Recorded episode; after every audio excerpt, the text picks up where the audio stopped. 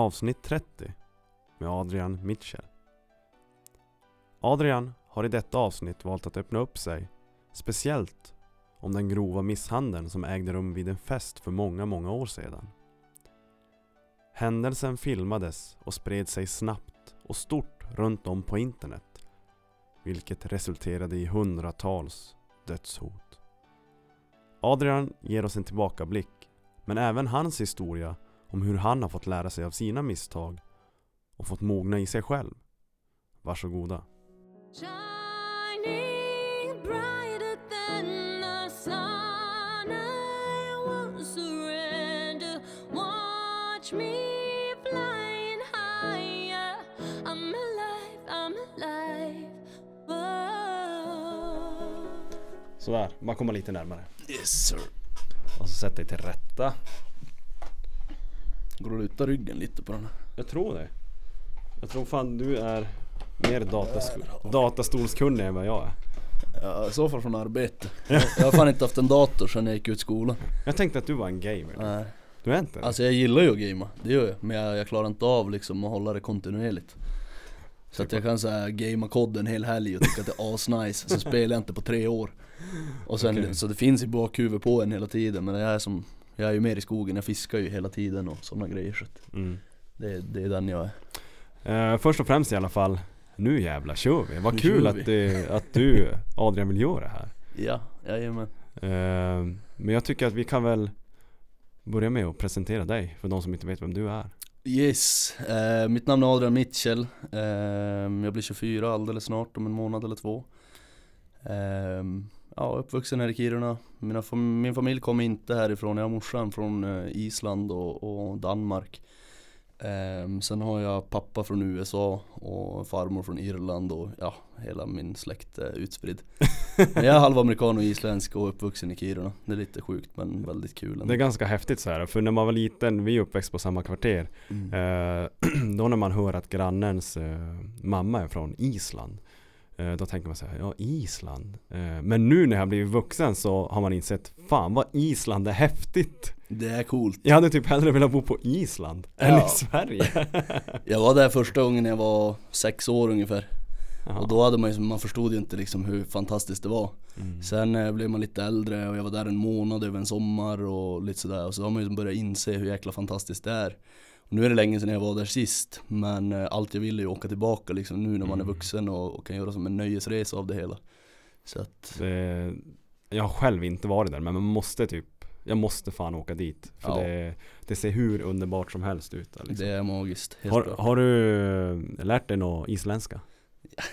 Jag förstår väldigt mycket, mamma och mormor pratar ju hemma Jaha. liksom Och eh, mormor framförallt hon kan ha pratat telefon med, med någon från Island Så kommer man in där och då babblar hon isländska och glömmer, som, glömmer bort att slå över till svenska. Mhm. Ehm, Och jag kan ibland liksom, jag reagerar inte på det, jag bara lyssnar. Och sen till slut kommer ett svårt ord så bara vänta nu, nu, nu förstår jag inte vad hon säger liksom.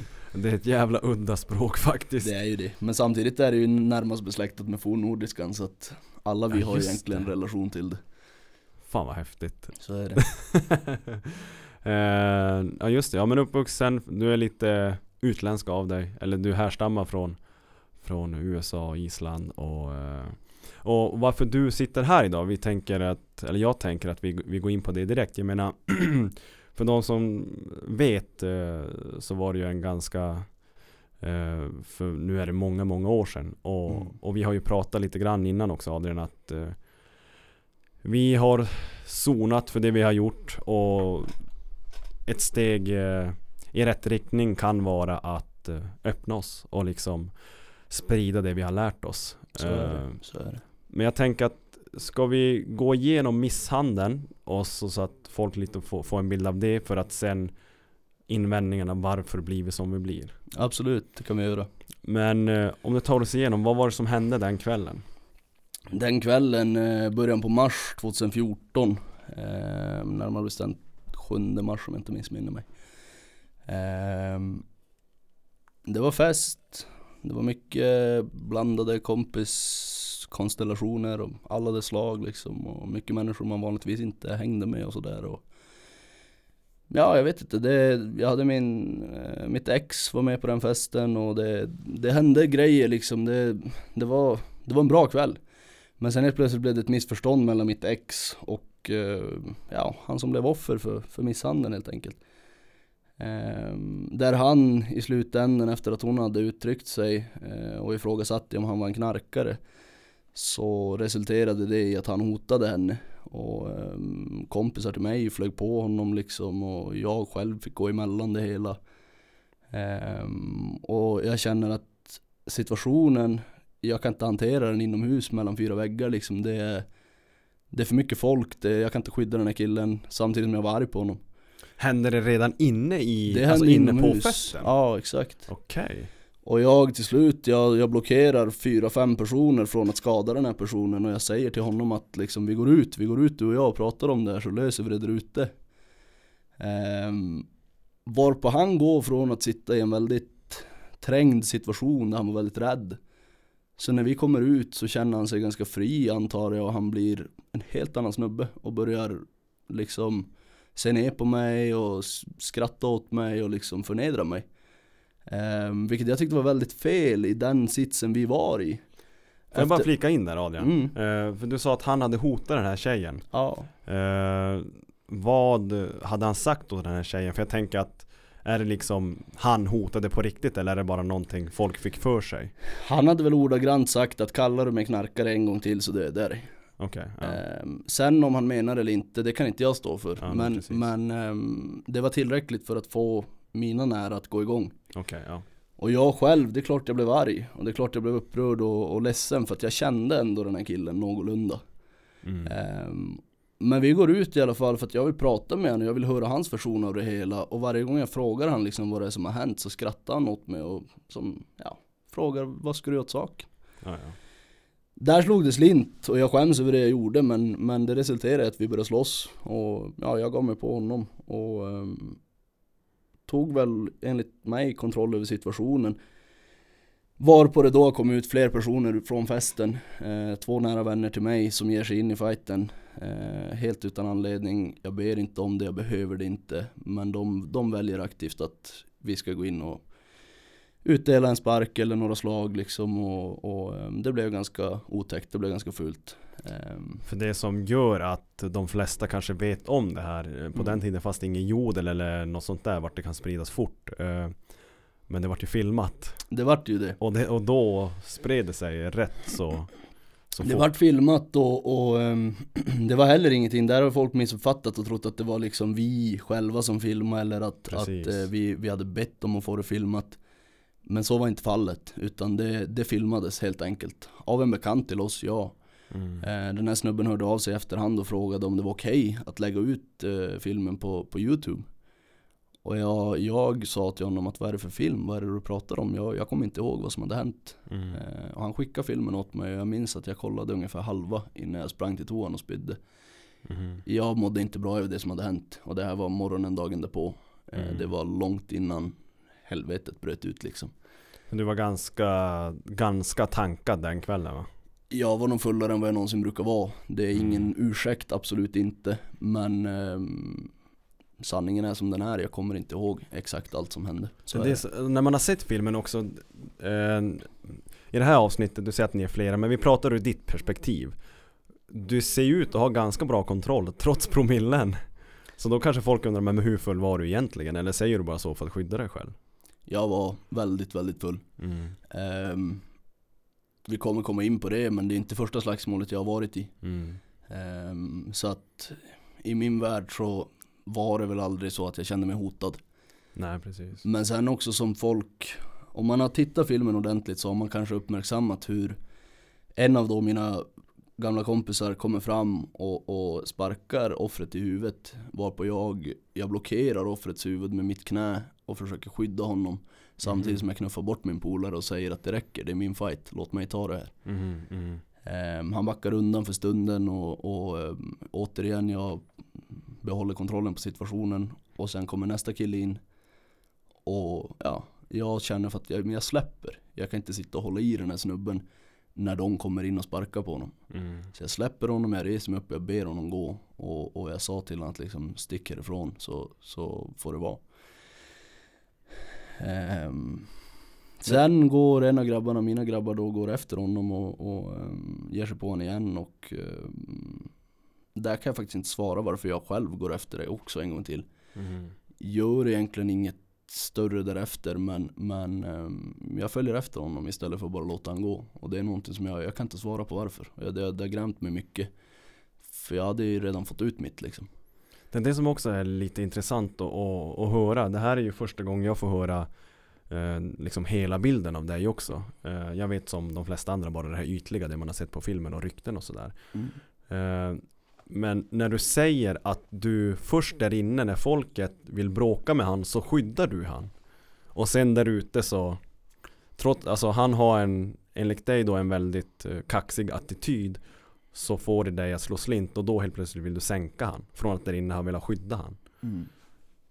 Så jag tänker väl att eh, vad, vad är det som får en att bara först skydda han och sen vilja nita han? Alltså någonstans i den världen jag trodde att jag levde i så var det liksom respekt var och O och liksom Ja, så här, ja. du vet. Lite street code Ja men lite så absolut, för man trodde man var skithäftig och Mm. man, man, eh, man visste sitt egna bästa och man lyssnade fan inte på någon. Precis Ehm, och det vart väl lite så att jag såg ju fortfarande honom som, alltså han var en bekant till mig, han var en, någonstans en vän till mig. Och då visade jag respekt. mm. Så därför ville jag reda ut det hela, men när han inte visar någon form av intresse till att reda ut vad som faktiskt har hänt där han har hotat min flickvän. Mm. Ehm, så kände jag mig förnedrad. Alltså det, och där, jag vet inte, det, det, det slog slint. Idag så är jag en helt annan människa och idag skulle jag hanterat den där situationen på ett helt annat sätt. Mm. Men där och då, 17 år gammal, vilsen i livet, visste egentligen inte vem jag var och var fan jag kom ifrån. Mm. Och det, det är ganska, jag satt just precis och tänkte på det att alltså det är länge sedan det hände Du var ung, vi alla har varit unga och dumma Och jag vet ju att du är inte samma idag Alltså det, jag kan nästan svära att jag- är säker på att det inte hade hänt ifall du hade hamnat i samma situation Nej. Så eh, Men vad hände efter det här då? För du har, ni fick ju, men i det här fallet du då Det blir ju rättegång och, och ni, du straffas Det händer grejer. Ehm, dagen därpå vaknar man upp väldigt ovetande om vad som komma skall. mm. Ehm, sen eh, händer det saker som jag har inte sett tidigare ehm, på nätet. Och ehm, de flesta jag pratar med har inte heller sett det tidigare utan för oss vart det lite grann startskottet Mm. till hur, hur stor kraft internet har. Mm. Och du vet, den här filmen delas på, på Facebook ehm, på under 24 timmar och den delas över 500 gånger. Mm. Och det var bara på Facebook, sen låg den ute på diverse andra sidor. Och ja.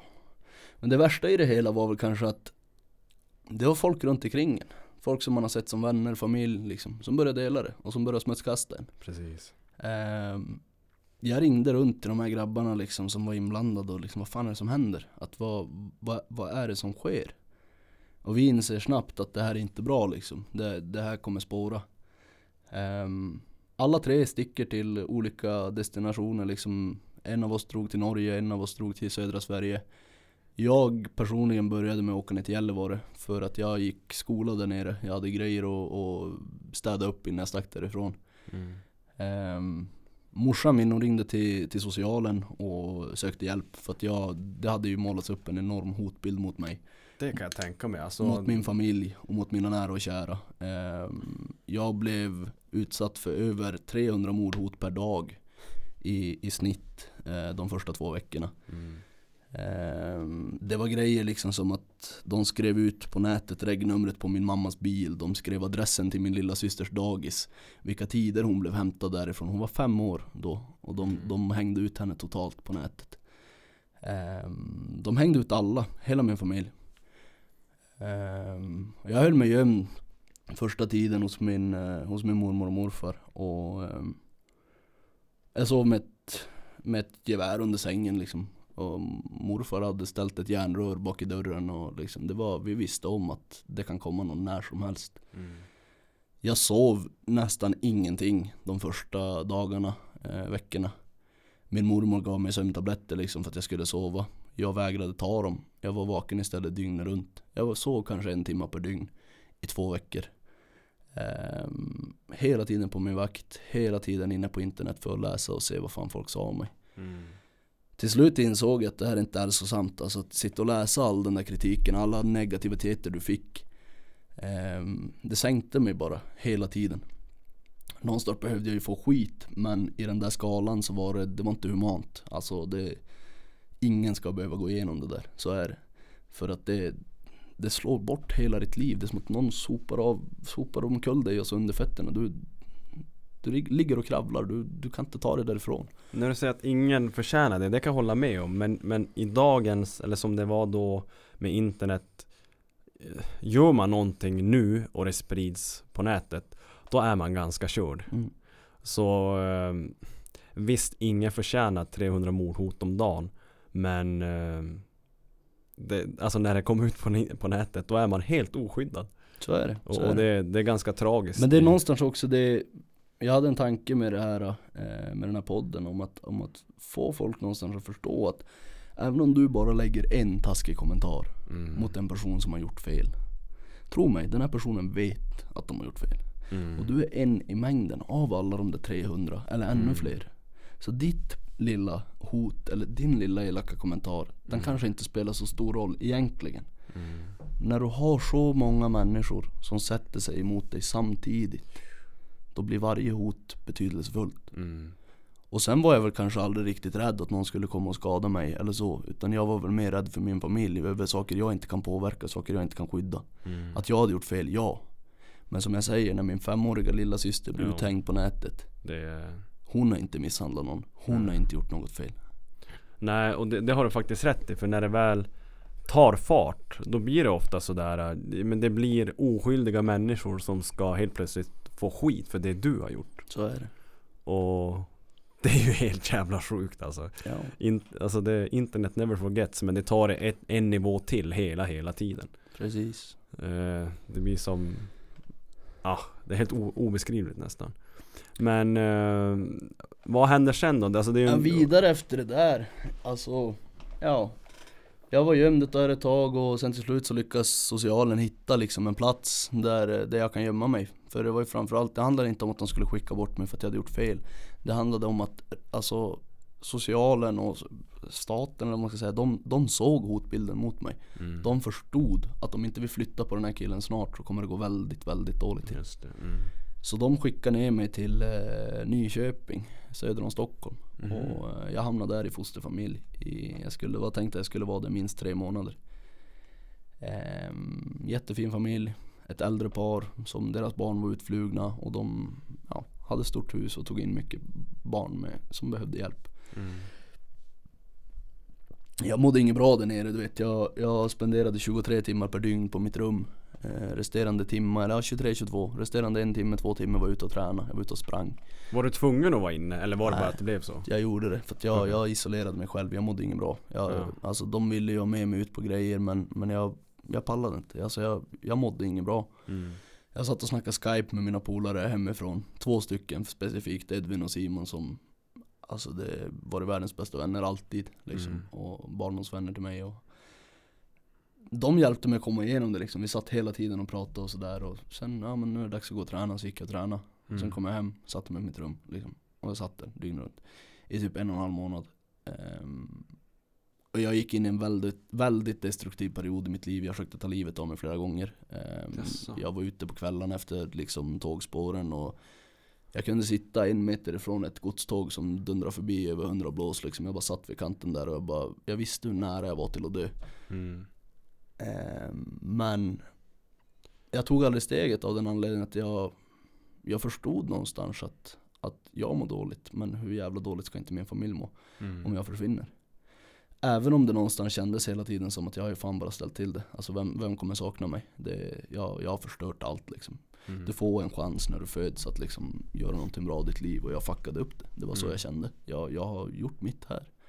Ingen vill ha mig. Och ehm, jag tänkte och tänkte och tänkte och till slut så så insåg jag att jag har två val ungefär. Antingen så rätar jag på mig och, och gör någonting vettigt om mitt liv. Eller så försvinner jag helt. Liksom. Det, Mm. det var det jag hade att välja på. Och jag är glad att jag valde det förstnämnda. Jag valde att åka tillbaka till Kiruna så fort som möjligt Mm. och börja stå upp för allt jag har gjort och liksom facea Mm. det helt enkelt. Jag hade rättegången som väntade och ehm, ja, jag skulle ändå dit för den. Mm. Så jag såg till att jag kämpade och krigade för att få alla dessa ehm, socialtjänstarbetare och, och min mamma och psykologer och diverse olika personer som hade någon form av bestämmande rätt över mitt liv och min framtid. Mm. Det krävdes typ, det var fem eller sex olika kvinnor som behövde fatta ett beslut. Alla var tvungna att vara eniga om att jag skulle få åka hem. Mhm. Och jag fick sitta i telefonkonferens i två, tre timmar med alla dessa personer, varav en av dem var min mamma. Mm. Ehm, och mamma till slut inser att han mår inget bra. Han ska hem. Mm. Han ska hem därifrån. Och hon, hon lägger de korten på bordet liksom och hon får dem att förstå att ni måste ta hem min son. Mm. Ehm, vilket de då gör, de godkänner det och jag, jag får åka hem. Och före det där så hade jag suttit och planerat hur jag skulle rymma. Jag hade skrivit ut kartor och på, skrivit ut alltså busstabeller, eh, tågtabeller, allting. Jag skulle dra därifrån. Mm. Fick jag inte fara alltså, på rätt sätt, då hade jag dragit ändå. För jag var målmedveten. Jag skulle hem, jag skulle styra upp mitt liv och Okej, jag skulle, jag skulle göra någonting bra av det här. Mm. Jag åker hem och jag, jag ehm, ja, sitter på rättegång och, och ehm, vi alla får ju olika domar helt enkelt. Eh, Vi var i olika åldrar och vi var alla var misstänkta för olika saker. Mm.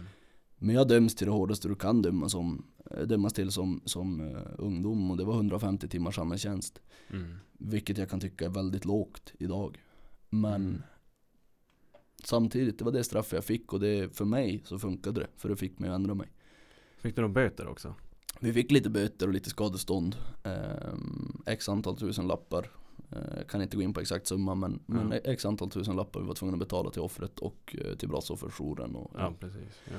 Så att det vart ju, det vart ju liksom påföljder absolut. Men de påföljder jag fick i rätten, det är inte det som egentligen har lärt mig. Nej. Utan påföljderna jag fick från gatan eller från internet. Där, Precis. där jag blev liksom totalt sågad av allt och alla. Ja men lite halshuggen. Ja, lite typ. grann så är det. Alltså outad. Jag blev fasen hängd i flaggstången på torget med Ja. byxorna neddragna. Mm. I stort sett. Ehm, och jag säger inte att jag inte förtjänar det. Men någonstans gick det för långt. Ja. Så är det. ja, precis. Och, och, ehm, men jag är glad ändå att det hände. Det är jag. För hade inte det där hänt så hade inte jag förändrat mitt liv så som jag valde att göra. Tror du det? Inte, Behövde- inte så tidigt i livet. Det hade Ja. jag inte gjort. Det Nej, hade jag inte. precis. Så, så det krävdes den här hårda liksom Ja men upphängningen på torget för att Ja. Ja ah, fan det här är inget kul alltså Jag tror det, jag tror det. Och, och sen också som Mitt liv har aldrig varit en dans på rosor, det har det inte. Mm. Och det här är inte första grejen jag har, liksom gjort fel i livet. Men sen har jag haft farsan till exempel som, som väldigt dålig förebild. Jag har egentligen aldrig haft han i livet. mm. Ehm, han har gjort misstag hela sitt liv och jag känner egentligen inte honom. Ehm, men när jag var yngre så har vi i alla fall haft någon form av relation. Och han har gjort så pass mycket fel i sitt liv. Och det är också hans historia, jag tänker inte gå in på det allt för djupt. Men han har suttit 14 år av sitt liv i fängelse. Mm. Och det har jag vet om. Och när jag står inför domaren liksom där de säger till mig att hade du varit myndig så hade du fått minst ett och ett halvt års fängelse. Mhm. Då händer det någonting i mitt huvud. Du Mm. vet, jag känner att fan, jag är på väg att gå samma väg som farsan. Mm. Jag tänker inte göra det. Vad som än händer så tänker jag inte följa samma väg som han har gått. Så jag tog beslutet där och då, 17 år gammal, att jag ska aldrig, jag ska aldrig sitta på kåken. Mm. Aldrig. Jag har inte gjort det heller och har inga planer på att göra det. Så är det. Ehm, nej jag vet inte, sen ehm, Sen går jag vidare efter rättegången och, och ehm, får ju fortfarande väldigt mycket skit. Jag, jag fyller 18 kort, kort därefter och jag minns första gången jag var på krogen. Jag vägrade gå ut. Jag vägrade gå på krogen. Så vad fan ska jag dit och liksom, det kommer, Folk kommer bara flyga på mig, det kommer bara bli bråk. Mm. Men till slut så hade jag hade åtta polare med mig som sa att eh, liksom, nu, du ska fan ut och fira din 18-årsdag. Du om någon, du, du förtjänar det. Du måste ändå få röra på dig. Du har suttit instängd, isolerad i över ett halvår. Mm. Du måste röra på dig. Okej då, vi far. Och sagt och gjort, det blev jäkligt mycket bråk. Allt och det. alla som såg mig skulle gå på mig. Ehm, Men det, det jag tänker när det är sådär äh, krogmiljö och liten stad som i Kiruna så det är mycket så här tomma hot bara. Åh, vad fan tror du att du är ute? Men ingen vågar röra dig kanske. Eller hur det Mycket för så är det ju, men samtidigt var det alltså Jag tror det här var då när jag fyllde 18 eller någonstans där i kring Men då vart jag påhoppad av fyra personer Mm. eh, Efter krogen på en pizzeria liksom eh, Helt oprovocerat. Helt oprovocerat De står och pekar ut mig, säger vem jag är Allt sånt där Till slut närmar sig in och, och eh, Ja, börjar hålla på och jag helt enkelt reser mig upp och säger att jag vill inte bråka eller någonting Varpå han bara suger tag i mig, kastar upp mig på ett bord Mm. och sen brakade det lös. Ehm, jag hade några polare med mig men ehm, det var inte alla som gjorde någonting utan jag, jag tog mig ur det där själv. Det var fyra snubbar som var dubbelt så stor som mig allihopa. Jag lyckas ta mig ut ur den här restaurangen, komma ut på öppen gata där jag kan ha ryggen fri och jag kan, jag kan Mm. springa om jag måste. Men jag försöker hela tiden säga åt dem att jag fan, jag vill inte bråka, låt mig bara vara. Mm. Ehm, det blir lite handgemäng Ehm, och jag klarar mig ur det i alla fall. Och sen kommer polisen dit och frågar vad fan det är som händer. Och jag förklarar till dem, jag sa ni vet vad jag har gjort. Och ni förstår kanske vilket helvete jag går igenom. Mm. Jag har inte gjort någonting ikväll. De här hoppar på mig över saker som hänt förr. Ja vi förstår Adrian. Ehm, vad ska du göra nu? Nej fan så jag ska, jag ska ta min pizza och jag ska gå hem liksom. Mm. Ja men bra, gå du, vi löser det här. Till och med polisen i stan visste vad fan jag gick igenom. Mm. Det där var inte första och det var inte sista gången de fick stoppa ett bråk där folk hoppade på mig oprovocerat. Mhm. Jag har blivit släppt från säkert 5-10-tal sådana bråk på stan där polisen har sett att jag inte gjort någonting. Jag har Mm. bara stått där och folk har flugit på mig. Även om det har hänt flertalet gånger så har jag ju tagit mig igenom det. Alltså jag har Jag klarar mig ganska oskadd varenda gång. Visst Mm. man har ju vaknat upp med blåmärken och bulor och sådär men Men jag har ändå vaknat upp liksom. Det, det jag kan känna är ganska typiskt det sådana här beteenden också. Jag gissar att eh, majoriteten av de här gångerna du blivit påhoppad så är det i fyllan. Det är när de är fler än dig. Ja. Det så är när man det, har aldrig kommit, det har aldrig kommit någon ensam fram till mig. eller nykter Eller ny, alltså på ny, dagen. Nykter har det kunnat hända, men då har det varit folk som Som före misshandeln trodde bättre om mig Okej. Som har ja. känt sig svikna och de har kommit fram att Fan Adrian, det här trodde jag inte om dig På riktigt, vad fan håller du på med? Mm. Och man har skämts lika jävla mycket varje gång Och man har fått bita ihop och Ja fan, det hände. Ja, Jag ber om ursäkt, alltså fan, det var inte meningen. Mm. Nu vart det så här. Och jag, jag, jag får stå för det, jag får, jag får fejsa det helt enkelt. Men annars i regel som du säger, det har varit folk som kommer i fyllan, de är flera stycken, de är Mm. äldre, de ser att jag är i underläge. Mm. Det har aldrig varit någon som har vågat komma och liksom ta det schysst. Sen har det hänt. Folk har gått på med flera, flera, flera stycken. Och du vet man själv kanske har stått och dragit efter halmstrån och man har sagt det, varför ska ni gå på mig fyra mot en? Mm. Ja men du gick ju tre mot en Mm. Ja precis. Jag har inget svar på det Mm. ja, Okej då, kom tre mot en då, Mm. fine ja, Jag får väl ta det, Nej. vad fan ska jag göra? Mm. Men i regel så har jag aldrig velat bråka så jag har hela tiden sökt mig därifrån, försökt backa undan, försökt springa därifrån Mm. Men det är inte alltid att det funkar heller, så är det, det, det är sanningen Nej det kan jag tänka mig. Och sen är det så mycket som försiggår i, i huvudet på dig. Jag menar från den där misshandeln då, det som hände dig då. Där du har kanske den här streetcoden att man ska behandla varandra med respekt. Och nu står du där.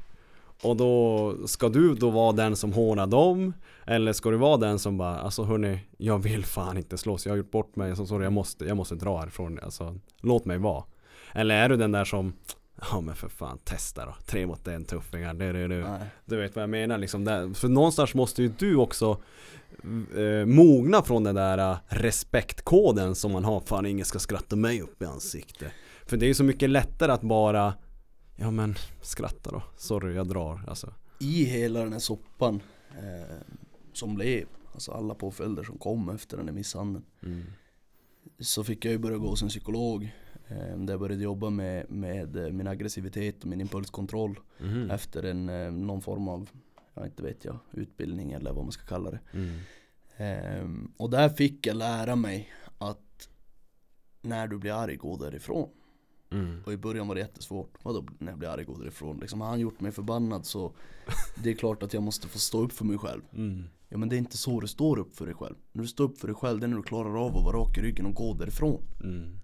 Ah, jag kände, fan du snackar skit liksom. Fan, vem är du att säga till mig vad jag, hur jag ska leva mitt liv? Mm. Togs hårt två, tre gånger liksom. Vi kämpade på där. Till slut så började jag lyssna på vad fan hon sa. Mm. Och så sa hon åt mig att, hörru, berätta senaste gången du var arg. Ja men det var väl nu i helgen liksom. Ja, vad var det som hände då? Ja, så berättade man att det blivit slagsmål på pizzerian. Ja, varför vart det det? Nej, jag vet inte. De hoppade på mig och de hotade mig och jag försökte försvara mig och du vet, sen vart man förbannad och hon bara, men om vi bryter ner det här så gick vi tillbaka steg för steg. Mm. Klockslag för klockslag. Precis. Tills vi kom till att jag knappt hade hunnit träffa de här personerna. Mm. När hade du kunnat förändra det hela? När hade du kunnat gå därifrån? Ja, I början var jag, jag var stenhård. Nej det finns ingen förändring, jag gjorde det bästa jag kunde göra. Precis, ja. Men sen så började jag inse att hon har ju rätt. Mm. Jag hade aldrig ens behövt befinna mig i samma rum som dem. När de hälsade på mig hade jag inte ens behövt svara, jag hade bara kunnat gå därifrån redan Mm. då. Liksom så tidigt du egentligen kan påverka vad som komma skall. Mm. Men jag fattade inte det när jag var ung. Mm. Men efter det här så började jag förstå det. Så att som svar på din fråga, ja alltså det hände att folk kom emot mig men jag var aldrig, jag stod inte där och var macho. Utan Nej, jag, var, precis. jag var mer, jag var mer så ödmjuk att fan grabbar, jag har gjort fel, varför ska Mm. ni göra samma misstag? Men de vill inte lyssna. Mm. Och det hände ju många gånger också att, eller många gånger, men det har hänt att han som var offer för det hela, vi löste ju det. Alltså två dagar efter att det hände. Okej. Så ringde jag upp honom och allt sånt där och allt var löst mellan oss. Vi vart som vänner igen. Vi är, vi är bättre vänner idag än vad vi var förut. Jaha. Och Mm. har, alltså vi, han blir genuint glad när han ser mig och samma för mig. Jag blir fruktansvärt glad att se Ja, det är honom. roligt att höra faktiskt. Men det har hänt efter den här misshandeln att jag har fått stoppa folk från att spöa honom. För att han har gått emellan för att skydda mig och säga liksom att ja ja okej Adrian har gjort fel men låt han vara. Ah, okej. Och då har folk ja. liksom, vem fan är du? Lägg dig Ja. inte i det. Och så har de tänkt spöa honom. Där jag klivit fram och sagt att, alltså på riktigt, ni tänker nita mig för att jag har slagit en kille. Den killen står framför er och ni tänker slå honom själv. För att rättfärdiga ert beteende ni har gentemot mig. Hur jävla dumma är ni? Ja, alltså vilken reklam för Kirunas befolkning det här är alltså. Det, jag menar, alltså, det, är helt, det är skrattretande, det är ju det. Så fort folk får, och det, jag kan säga det, det är inte bara så att det har varit busar som har klivit på mig. Mm. Utan det har varit familjefädrar, det har varit Yes. jäkla eh, tjejer, killar, alltså you Mm. name it. Det har varit alla kategorier. Som bara har tagit stunden, liksom stundens tillfälle till att nu, nu ska vi mobba den här snubben. So i don't wanna be that way anymore. This life that I've been living, living without color, ain't a life worth living. Något jag tänker på just när det, när det blir sådär, när, för det kan vara liksom folk som inte känner dig, inte känner offret, inte känner någon som är inblandad i den här äh, misshandeln där allting filmades. Så ska man vara någon jävla samhällshjälte och ha, känna att men jag är så moralisk av mig, nu ska jag ställa saker och ting till rätta. Alltså vad får de människorna ut av att ge sig på dig som inte ens vet någonting om dig eller känner dig eller har någonting med händelsen innan att göra? Alltså det är någonting jag kan fråga mig ibland, alltså vad fan? Nu har jag ställt den frågan till mig själv många gånger. eh, framförallt av den här händelsen. Men sen har man också blickat tillbaka på tidigare händelser där man själv kanske har varit likadan. Mhm. Eh, det är nog lättare att falla dit än vad man tror. Man, man, man vill uttrycka sig, man vill säga vad man tycker och tänker. Eh, men när folk kommer fram till mig på stan och ska liksom de ska få mig att förstå att jag har gjort fel. Att när jag slog så gjorde jag fel. Och deras sätt att få mig att förstå det är genom att slå mig också. Två rätt eller två fel blir inte ett rätt, så är det bara. Alltså det, det, det är jättekonstigt, men någonstans så, så striden sätta så tror de att liksom det här är the right way to go. Mm. Och jag tror aldrig vi riktigt kommer få svar, få svar på varför man gör det eller varför Nej. man ser det så. Men, men jag tror ju att, som vi var inne på tidigare, alkoholen, alkoholen spelar en stor, stor jäkla roll in i det där. För att folk får ett självförtroende de inte annars har och liksom, du vet, man blir tuffare än vad man tror att man är. Och Mm. Sen tror jag många av de som faktiskt har gett sig på mig eh, har vaknat upp dagen därpå och mått dåligt över det. Mm. Det tror jag. För att jag menar även om jag någonstans i, när jag gjorde det jag gjorde i, i stridens hetta tyckte att jag gjorde rätt. Som jag sa när jag såg halva filmen dagen därpå så Mm. spydde jag Alltså jag mådde skit, jag hade fan inte gjort rätt Jag hade gjort så många fel man bara kan jäkla göra Mm. Men, ehm, nej som svar på din fråga, jag vet inte hur de tänker men det är en väldigt, väldigt bra fråga för att Ja, det, för, det är ju inte, alltså det är inte bara i, i ditt fall. Nej. Alltså det, det kan ju vara med vad som helst där Ja, man ska visa att man eh, bryr sig och man, man, man är full av moral och man Ja, ska ställa saker och ting till rätta. Som jag tycker du vet i, i dagens samhälle då alla dessa B-kändisar och influencers och grejer Direkt någon av dessa gör ett fel Då, då ska alla hänga ut. Alla ska Mm. måla upp den här personen som värsta idioten Sen gör de någonting bra igen en månad därefter, då ska man måla upp det och Jag vet inte varför man hela tiden ska vara en bidragande faktor liksom till, till att sprida saker om människor Mm. Alltså det känns som att vi i dagens samhälle lägger mer energi på andra än vad vi lägger på oss själv Mm.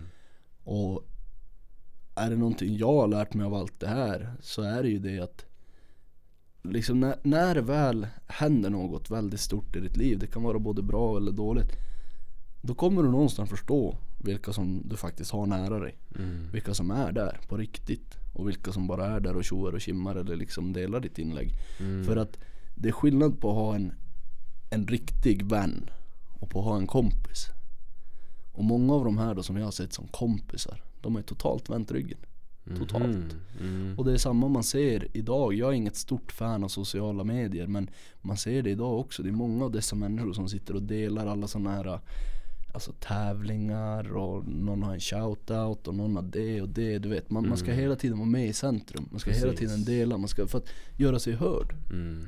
Fan, visa vem ni är egentligen. Ni behöver inte, ni behöver inte ha det där låtsaslivet, ni behöver inte liksom måla upp någonting som inte är sant. Utan var den ni är och stå för vem ni är. Mm. Folk kommer uppskatta er, så är det. Mm. Det är liksom, var bara dig själv. Oj, var sig själv i dagens samhälle. Alltså bara det ämnet kan man ju snacka ett dygn om. Verkligen. Ja. Alltså vilka är folk egentligen? Alltså man får ju en bild av sociala medier, sen får man en bild när man sitter och fikar med dem på spis och ja Alltså det, det är så olika budskap från så många olika människor det är ju så. Det är ju så. Och det är precis, jävla vad grymt att du säger det Alltså när Vad som än händer i livet, kolla vilka du har vid din sida Mm. Alltså kolla vilka du umgås med, kolla vilka som är där För För alltså jag var, jag var, om jag får säga det själv, jag var väldigt populär innan, innan det hände. Visst att jag hade tendenser och sidor som folk kanske inte riktigt gillade. mm, Men jag stod ändå ofta i centrum. mhm, mm, Och jag har fått höra det av, av, alltså, av kompisar, av poliser också som har sagt till mig att fan Adrian Någonting har hänt de senaste åren för förut när vi åkte ut på ett larm så var du där Oavsett vad fan det gällde, du var där om du var inblandad eller inte men du var där Hur mycket problem har du haft med polisen innan den här misshandeln? Ja alltså De grejer jag är dömd för i livet de skedde mellan 15 och 17 år Den här Okej. misshandeln var det som avslutade det hela Mhm, Ehm, Men jag har haft problem med polisen tidigare, det har jag. Ehm, framförallt har det ju varit, alltså man har varit i bråk, man har varit på fel plats vid fel tillfälle. Ehm, men jag är dömd för, för ehm, misshandel tidigare. Okej Det jag blev dömdes för i just det här specifika var ju grov misshandel. Men jag var dömd för en, en ringa misshandel före. Ehm, även olaga hot och, och hemfridsbrott och verkan. Ehm, där det vart jäkligt mycket trubbel en gång med, med en lärare till mig. Som, ja, jag står fast vid att han, han, ehm, han misshandlade mig flertalet gånger i skolan. Och till Mhm. slut fick jag nog och jag, jag, jag slog ifrån. Jag slog ett slag, ett enda jävla slag slog jag och ehm, det resulterade i att jag dömdes för misshandel.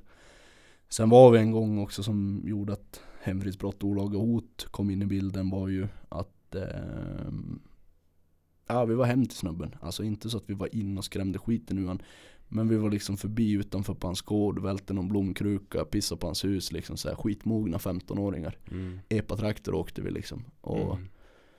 Drog därifrån, ingenting mer med det och sen helt plötsligt inser vi att fan vi har en bil som förföljer oss. Liksom nu är det kaos och det, det blev ju biljakt genom hela stan och Mhm. till slut så ser jag blåljusen bakom oss och jag säger till han som kör att stanna bilen. Nej jag tänker inte stanna sa han. Alltså du stannar bilen nu. Polisen är bakom oss, vi stannar. Jag, jag tänker inte köra ifrån en polis, så är det bara. Jag, Jag, jag tänker vad är det för biljakt med en epa? Eller ni, den gick väl lite fortare än den skulle flippar kanske. spärren. Ja, ja, ja, ja. Men eh, han stannade ju direkt vid ser blåljusen. Jag fick honom att förstå att liksom vi, okej att man kör ifrån sin lärare men vi kör Mm. inte ifrån en polis. Ja, Liksom det, precis. jag är inte på den nivån. mm. Ehm, vi stannar och, och ja, det blev ju den där läraren flyger på mig, snuten flyger på honom, liksom det blev lite kaos. Mm. Resulterar i att jag får ju, jag får ju ta mig straff för det där, inga konstigheter. Det var egentligen mest skämmigt att berätta det till morsan liksom. Mm. Ehm, eller ja, när polisen ringde morsan och bad henne hämta mig från station mitt i natten. Ehm, det var inget kul alls. Sen dömdes jag för det där och domaren sa ju till mig i rättssalen så sa han det att Adrian, ska jag vara helt ärlig så ehm, kan jag väl egentligen inte på rak arm säga att du har gjort något fel. Jaså? Men jag dömer dig för det här för att jag vill att du ska ta lärdom av det nu i så här ung ålder. Så att det inte, går, så att det inte blir värre för dig Mm. det var hans tanke om det hela. Han tyckte att, alltså, ja, enklare förklarat. Han tyckte inte att jag skulle ha dömts till det. Men han gjorde det bara för att lära mig en läxa. Ja men jag kan tänka mig också som eh, jag, jag menar som en, som en vuxen och få tala till en Adrian 15 år Det är inte okej att åka och pissa på någons hus typ, men, alltså absolut Det blir lite inte. den Ja, Det blir visst, lite den, han, han ville förmedla liksom att okej Fine du är arg, du har fått mycket skit men Ah, håll dig Precis. Sen kan jag inte säga att eh, hans val var, var rätt där och då. Domarens, Ja, alltså att döma mig fa- fast han egentligen inte tyckte att jag hade gjort fel. okej För att för mig så vart det någonstans, alltså Revolt lite så, lite av ett startskott av att man var misslyckad. Okej, ja Du vet, man var 15 bast och, och grejen var att jag var bara 15 bast och typ två veckor. Mhm. Liksom jag hade precis passerat åldern för straffmyndighet. mm. Och ja men fine, jag, jag, jag dömdes för det, det gjorde jag och, och ehm, jag och den här läraren gick vidare sen och, och du vet jag, jag missade ju minst ett halvår av hans lektioner. Jag hade, Mm. jag hade honom i svenska. Ehm, och när, när högstadiet lider mot sitt slut och, och jag liksom får veta att jag har betygsvarning i de flesta ämnena. Så bestämmer jag mig även där för att nej, jag ska ha en utbildning. Mhm. Jag tänker inte gå alltså jag hade hälften av mina betyg, hade jag inga betyg. Mm. Det var ett halvår kvar av skolan. Jag städade upp rubbet innan jag gick ut nian. Jag gick till min mattelärare bland annat jag sa att han lägger ihop ett prov för allt jag missat. Han bara, det går inte, du har missat typ en och en halv termin. Alltså men säg inte till mig vad som inte går. Utan lägg fram ett prov åt mig så kommer jag visa dig vad fan jag kan. Mhm. Och han vägrade. Och det gick så långt att min mamma och min, min klasskompis mamma de fick ringa till rektorn, rektorn fick prata med honom, till slut kom han till mig, han bara okej jag kommer lägga ihop ett prov på över 100 sidor. Ehm, du får komma och skriva det men du får göra det på sommarlovet. Fine, fine by me, ge mig tid och plats. och eh, vi tog, vi gick ut nian på en fredag, på måndagen på skulle vi komma tillbaka. Mm. Från att han sa det åt mig hade jag ungefär en vecka på mig att plugga. Ehm, jag fixade provet med bravur. Eh, han kom fram till mig förbannad som fan och så sa han att Adrian, fan. Om du kan lära dig det här, alltså över ett halvårs arbete har du lärt dig på mindre än en vecka. Varför har du inte fokuserat på lektionen? Mm. Jag hade kunnat ge dig VG på det här om du hade producerat genom, alltså allt, all, allt annat hade varit i skick och så hade du gjort det här provet, då hade du fått VG i matte. Ja, så jag vet inte, alltså jag Det låg inte i mitt intresse. Jag, jag tyckte inte det var viktigt. Alltså det, någonstans var det för enkelt också. Jag, jag, om jag säger det själv så har jag alltid varit ganska smart. Mm. Men jag tyckte det var för enkelt. De ställde krav som jag inte tyckte om. Liksom jag skulle ställa upp och grejer. Men jag var med för huvudräkning, du vet, och allt sånt där. Ehm, Nej men sagt och gjort, jag, jag löste bort de där betygen och sen det som var så häftigt i svenskan trots det som hade hänt med min, min svenska lärare så Där hade han satt ett ultimatum på mig att ska du, ska du ha betyg i svenska Då väljer du valfritt ämne att hålla tal om i 20 minuter inför hela årskurs 9 Det var liksom 80 pers, 90 pers plus lärare. Så jag skulle hålla tal för 100 personer som, som 15-åring i 20 minuter om valfritt ämne. Alltså om jag hade valt att prata om snöskotrar eller gitarrer Jag hade inte hittat information till att prata i 20 minuter. Inte, inte då. Idag kanske jag hade gjort det. Men där och då, det, för mig var det omöjligt. Jag hade inte lyckats. Ehm, och sen hade vi den här rättegången. Och domaren bad mig berätta min version och jag, liksom, jag reste mig upp och jag sa, sa allt jag hade gjort, allt som hade hänt, allt som var och jag babblade väl på i någonstans mellan 20 och 35 minuter. Och efter det där då, det vart helg och jag kom till skolan sen efter helgen så kommer min mentor till mig och liksom Du har fått godkänt i svenska. Jag bara va? Ja men eh, din svenska lärare han, eh, han säger att du behöver inte hålla det där talet längre utan han har, han har bedömt din svenska nivå utifrån Ja alltså det du sa på rättegången. Va? sa jag. Va, va, varför gör han det? Han tyckte du hade pratat så lugnt och bra och haft så bra, bra svenska och liksom Ja du hade, du hade gjort bra ifrån dig. Han, han betygsätter dig för det. Vi drar ett streck över allting liksom. Du får betyg och så går du vidare till gymnasiet. Ja, jag var helt chockad liksom. Att han ger mig den chansen trots att jag tyckte att han var jordens största idiot. Mm. Ehm, visst, han har gjort många fel, men han har också gjort många rätt. Det är precis som jag. Alltså, livet är så. Man gör misstag i livet. Mm. Helt enkelt. Men att han valde att inte se mig som piss och ingenting. Utan han valde att den här grabben, han har gjort fel. Mm. Men han, han uppfyller ändå kriterierna Mm. i svenskan, i grundskolan. Jag ger han ett betyg.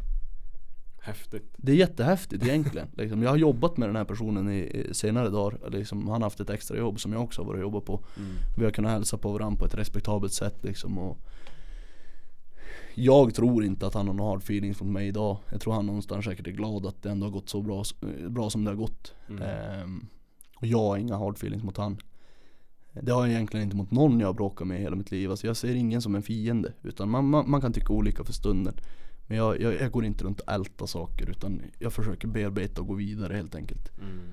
Och är det så att säga du och jag Pontus som ändå känt varandra hela livet Alltså skulle vi haft beef när vi var små Det är ingenting jag skulle dra upp idag Alltså eller hur? Det är, fan man går vidare i livet och det Man kan vara arg för stunden, helt, helt klart Och man kan vara ledsen, man kan vara besviken men Om ditt liv ska funka Så sitt inte och kasta in energi på mig eller vice versa Alltså du måste lägga fokus på dig själv och gå vidare.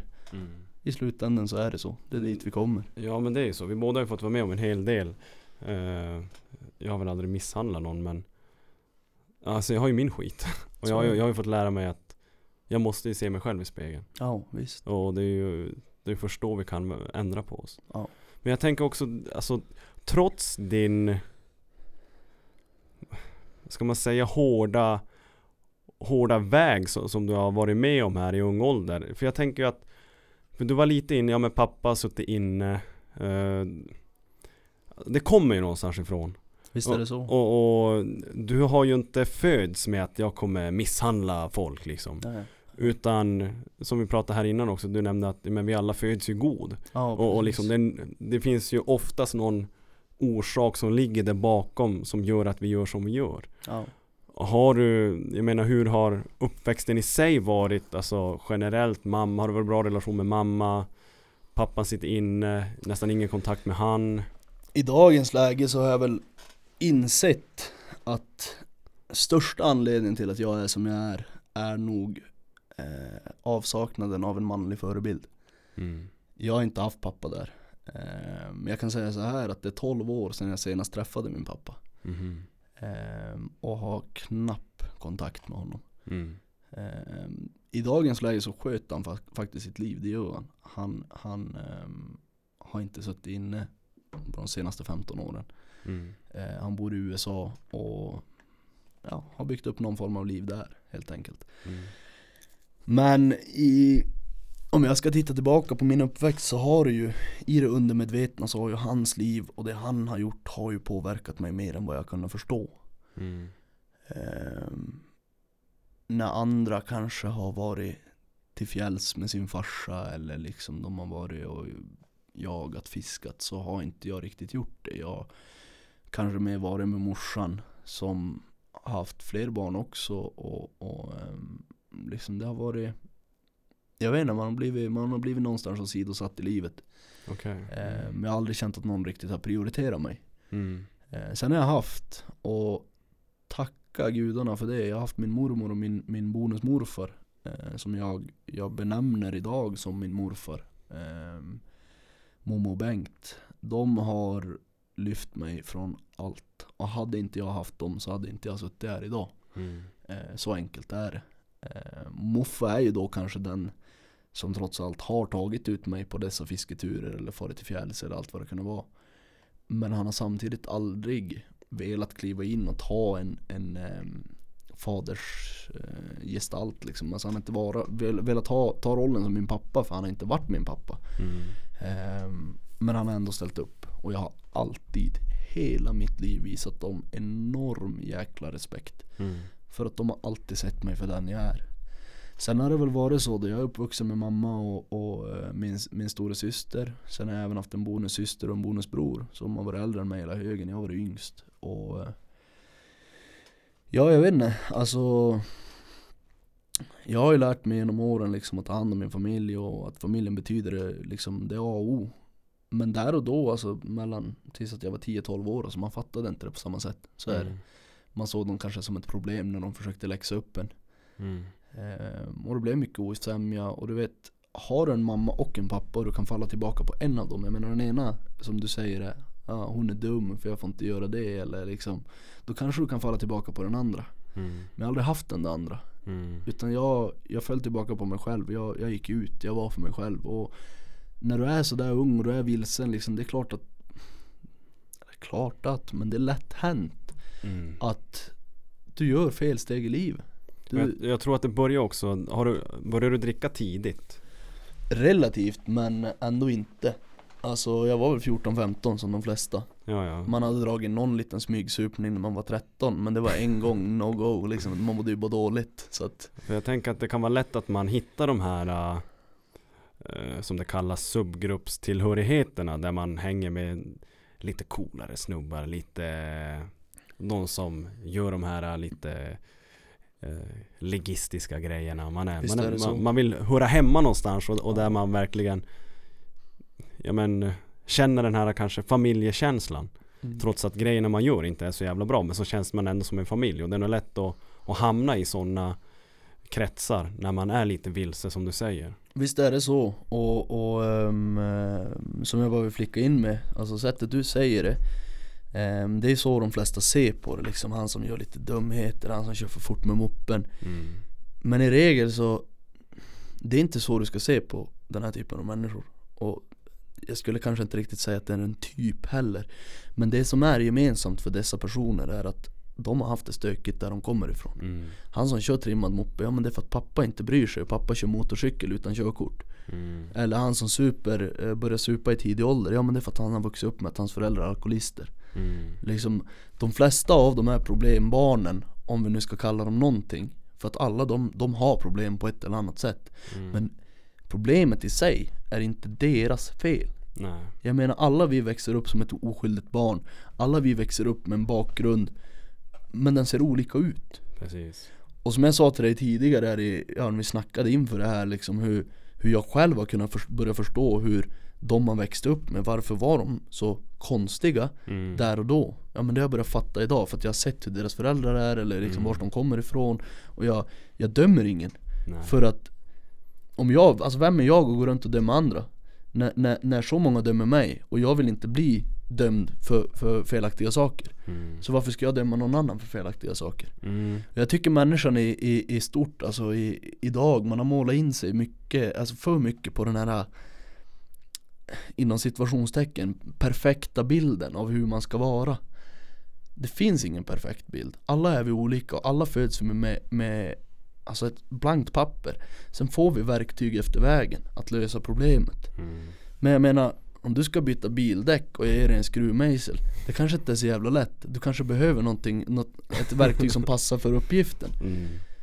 Men det finns de som står där med en skruvmejsel och måste fortfarande lösa problemet Mm. de, de har inte förutsättningar som, som eh, gemene man Precis. Och det är viktigt att tänka på Att han som kanske är bråkigast i klassen eller han som kanske är mest utåtagerande Eller som vi nämnde här tidigare om, om en, en snubbe vi pratade om liksom Han kan vara hur glad och positiv som helst Mm. Men egentligen mår han jättedåligt Mm.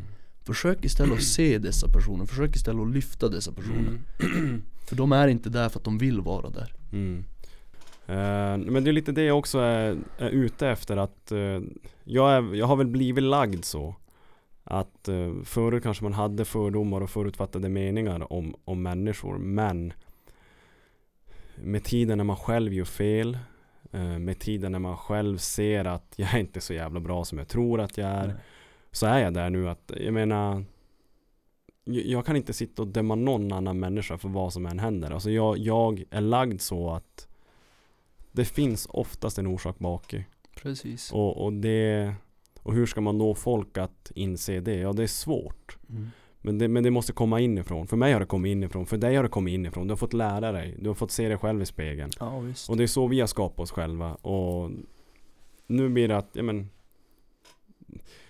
Vi behandlar folk med respekt. Men det är en annan typ av respekt. Jag menar skulle någon stå och håna mig rakt upp i ansiktet så jag, jag kan som ta det.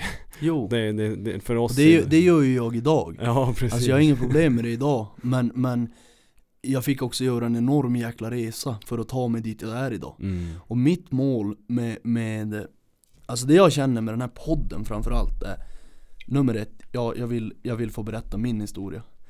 Ehm, sen är det kanske inte alla som kommer lyssna, men jag vill ändå få berätta. Mm. Sen är det upp till er hur ni väljer att döma mig därefter.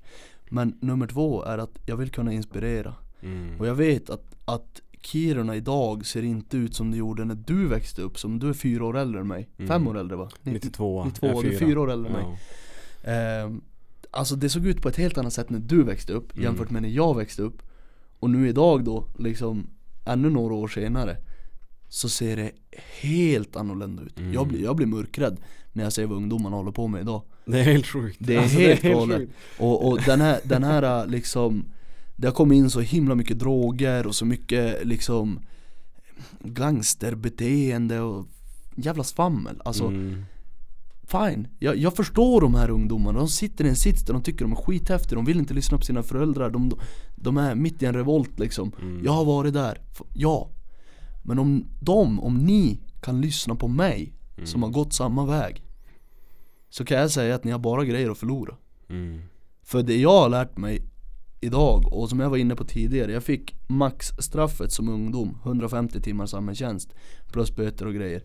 Eh, jag gjorde den samhällstjänsten eh, i Lossabacken. Och det resulterade i att jag blev fastanställd och jag jobbade fem år i Lossabacken. Mm. Jag slutade där nu i, i höstas. Jag har varit pistmaskinsförare, jag har varit sjukvårdare, liftmekaniker, parkansvarig. Jag har gjort i stort sett allt på det där berget. Mm. Det som jag har lärt mig mest av Det är att ta hand om ungdomar, inspirera ungdomar Mm. Och du vet jag har byggt de här stora snöhoppen som kidsen gör tricks i och grejer med skidor och snowboard Och sen åker de iväg på TV, tävling och jag får se dem livesända på, på TV Mm. Och jag vet att det där tricket han lärt sig För att jag har gett honom förutsättningarna Mm. Hur grymt är inte det att kunna påverka andra till någonting bra? Att kunna se dessa ungdomar som Nu säger jag inte att de har varit i riskgrupp Men de skulle lätt kunna trilla in på fel bana i livet Mm. Men så länge jag kan ge dem någonting bra, någonting att se fram emot, åka upp till Lossabacken, åka dit och ha kul Mm. Så liksom, då håller de sig på rätt bana Mm. Och jag, det är det jag vill med det här också, jag vill kunna inspirera Alltså även hur fel du än har gått i livet, hur ensam du än har känt dig, hur hatad du än har varit Så kan du resa dig ifrån det, Mm. bara du själv vill Mm.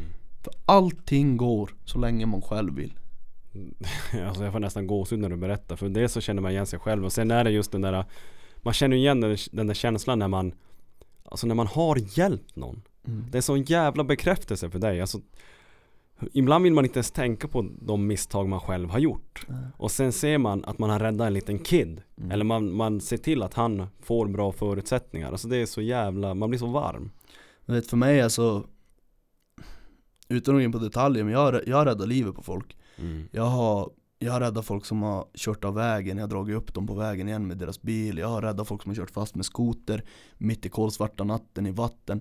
Du vet vissa av de här grejerna har hänt innan jag ens fyllde 18 De har hänt Mm. före misshandel Jag har alltid varit en person som vill hjälpa människor. Mm. Nästan så att det, det har slagit ut på mig själv att jag, man har hjälpt dem så mycket så att man själv får skit för det. Precis. Eh, Men jag har aldrig vänt ryggen mot människor som är i, i, i behov av hjälp. Mm. och kommer nog aldrig att göra det. Och jag vet min sambo också kan, kan ibland säga liksom vet, jag en bil som, som står dumt till och vi är ute och kör. Jag stannar direkt, hon bara men du kan inte stanna, tänk om det är vägpirater. Jag bryr mig inte. Jag, jag måste hjälpa, alltså jag, jag kan inte passera förbi. För åker jag förbi så kommer jag grubbla på det där i Mm. flera veckor. Hur gick det för dem? Vad hände? Lever de? Alltså du förstår. Ja. Och jag är sån, jag hjälper Behöver någon hjälp, kom till mig. Kom och prata med mig, alltså vad som helst. Mm. Var du än är, kom gärna. Jag, jag, är inte, jag är inte elak, jag bits inte. Mm. Inte för fem öre. Kan jag hjälpa så hjälper jag. Punkt Mm. slut. Jag har följt okända tjejer hem som har hamnat i en tråkig situation på stan som jag råkar bevittna. Jag har sagt till dem, jag följer med dig hela vägen hem liksom. Det har varit rakt motsatt, till var jag själv, alltså motsatt väg till var jag själv bor. Mm. Jag knallar ändå. Jag bryr mig inte. Så länge någon annan mår bra så mår jag bra. Liksom. Mm. Det, det är så jag lever. Alltså det, det är så jävla sjukt starkt också och, eh, och, och har gått den, den vägen. För det finns nog många som har gjort bort sig i livet i, i åldern ni var i, eller du var i då, när misshandeln hände, 17 år. Man får ett straff, man får ett till straff, man är känd hos polisen, man hänger med dåliga personer, man super. Eh, nu för tiden är det mycket droger. Alltså folk hade nästan jag tror inte att majoriteten går din väg Adrian. Jag tror att de flesta fastnar i det där. De har inte den här eh, alltså, styrkan här inne som du har haft. Du har haft den rösten i bakhuvudet men jag ska fan fixa det. Får inte jag komma hem på rätt sätt så har jag fan tagit ut busstidtabeller. Jag har dragit ut kartor. Du ska hem, du ska fixa ditt liv. Folk har inte den där rösten. Och då kan det gå åt helvete. Ja, jag, jag köper det. det. det- Man måste vara stark och jag får ofta höra att jag är stark. Mm. Alltså även om jag själv kanske tvivlar på det många gånger att Fan hade jag varit så stark som alla säger då hade jag inte suttit här. Mm. Men samtidigt, att bli stark, det är, alltså, det är som när du går på gymmet. Det är inte, du blir inte stark för att du går dit en gång. Mm. Du blir stark för att du har varit där och nötit år efter år efter år. Och det är lite så det har varit med mitt liv. Jag har tagit skit efter skit efter skit. Jag har varit tvungen att resa mig därefter varenda jävla gång. Mm. Och jag har också kommit till insikt i att okej, så här är det. Som jag sa innan, du har en verktygslåda. Du har verktyg där i. För varje, varje negativ händelse som sker i ditt liv, det kan vara positiva saker också. Mm. Men framförallt de ne- negativa händelserna Så stöter du på problem som kanske då är nya som du måste lösa Men när du väl har löst det, då får du ett nytt verktyg att stoppa i din låda Mm. Nästa gång i livet du stöter på ett liknande problem Då vet du ungefär hur du ska lösa det. Mm. Och det är så jag brukar säga till alla, se det här som en, en milstolpe, se det här som ett Alltså ett hinder. Eller, li, som jag också brukar säga, livet är som havets vågor. Det går upp och ner. Och ibland är det helt jäkla vindstilla men du vet ändå inte vilket håll du ska åt. Alltså det är lite så. Mm. Det, det kommer alltid vara en kamp. Mm. Det kommer alltid vara det, ibland är det lättare, ibland är det svårare men vi måste fortsätta kriga vidare. Det Mm. Så är det bara. Det är så. Som, som jag tog upp för dig innan. Just när man pratar och får höra din berättelse. Då är, alltså det finns ju en mening som kan sammanfatta nästan det hela, hela allt. Hur fan var den? Det var Det förflutna är någonting du ska lära dig någonting av. Inte något du ska göra dig hemmastad i. Precis Och det är ju så jävla sant. Ja visst Och jag tänker också att trots din uppväxt med pappa är på kåken och kanske åsidosatt hos mamma eh, och, och det går snett eh, Trots att du har varit med om saker som gör att du är vilse Du, du slår folk så har du ändå någonstans alltid haft det själv och, och kanske det jag vill komma till poängen är väl att du har som valt att använda ditt förflutna, din pappa, du vill inte bli som pappa. Nej. Du har använt all den här negativiteten till att göra någonting bra av det. Mm. Och det är det som är det viktiga. Vi alla får så jävla olika förutsättningar som du nämnde tidigare också. Men vi måste göra någonting bra av det.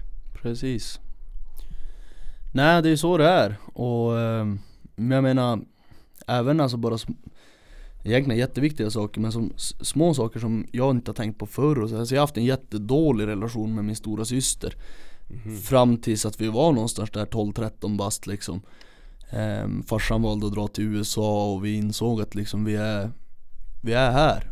Vi- är här och nu. Vi måste göra någonting av det. Mm. där och då förstod jag att eh, jag måste ta hand om min syster liksom. Jag måste ta hand om min stora syster för pappa är inte där, han kommer inte göra det. Mm. Jag måste göra det, jag måste ta hand om min mamma liksom. Fan jag måste ta hand om min familj. Och med det sagt, ungefär i tio års tid har jag och min stora syster haft en bra relation Idag är hon min bästa vän, jag kan prata med henne om allt Och liksom ja, Hon är en fantastisk kvinna hon också, hon har två barn idag, hon har nyss gift sig och Liksom hon är bara ett år äldre än mig Mm. Ehm, hon har varit en förebild för mig, det har hon och är än idag.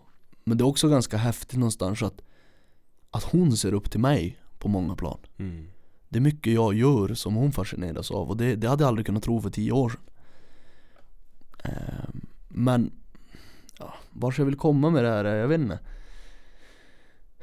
Man, är, man sitter i den här skiten och man, man känner att allt är hopplöst. Och det man inte ser där och då, det är ju faktiskt det man, det man faktiskt har. Mm, det man behöver.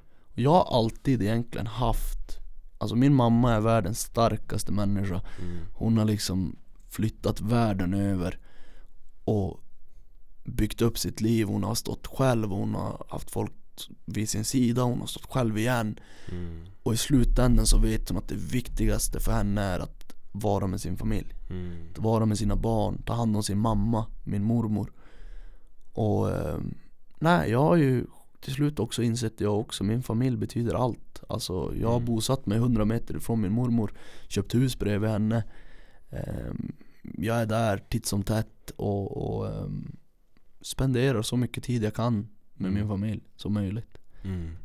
och det Jag tror någonstans för att du ska lyckas ta dig upp från all den här skiten och, och vara stark och, och eh, visa utåt att du kan förändras Så Var med din familj, lär känna din familj framförallt Mm. För jag lärde känna min mormor, alltså även om hon har funnits där hela livet Men jag lärde känna henne efter misshandeln Mm. Vi satt dag in och dag ut och drack en kopp kaffe, vi satt och pratade, tittade gamla bilder och vet, Och sen 17-åring som bara vill allt Så kanske inte det är det Mm. roligaste att sitta hos mormor dag in och dag ut och titta på gamla fotografier Men samtidigt, där jag var i livet så Mm. gav det mig så jäkla mycket Mm. Det gav mig allt, det gav mig livsglädje igen För jag ville inte leva, det, det Jag mådde inte bra alls så Mhm. att det, det kan verkligen, det kan skada en människa alltså, Dels att det var mitt fel, eller det var mitt fel att jag gjorde, ja Påföljderna däremot kunde jag inte kontrollera Mm.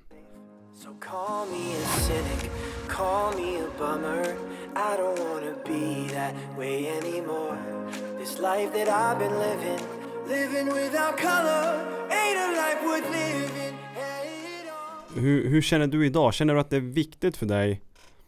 Den här podden är viktig tycker jag. Och det tycker Mm. ju, det är vi överens om. Den här podden är viktig att du öppnar dig. Men känner du utöver den här podden att det är viktigt att du visar dig bra utåt? Tycker du att det är viktigt för dig idag att folk får se Ja men fan jag är inte den där som slog den där killen. Eller känner du att men du kan vara nöjd ändå och visa vem du är för dig själv och, och för familjen i huset till exempel? Alltså det är klart att jag vill visa utåt. Alltså skulle skulle jag säga någonting annat så ljuger jag. Mm. Det är klart jag vill visa utåt att jag har förändrat. För jag menar Det var nästan ingen. Alltså som jag sa innan, jag, jag, jag eh, Om jag säger det själv så har jag varit, varit väldigt social. Efter den här misshandeln Så gick jag ner, fr- från att ha över 200-300 personer jag kunde vraka och välja mellan varje fredag lördag vem jag skulle gå och festa med.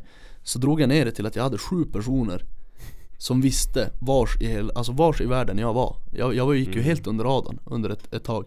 Och liksom och, och se den kontrasten Till vad du egentligen har. Ehm, Fan nu tappade jag din fråga. Um, utåt sett liksom. Utåt sett, precis, ja.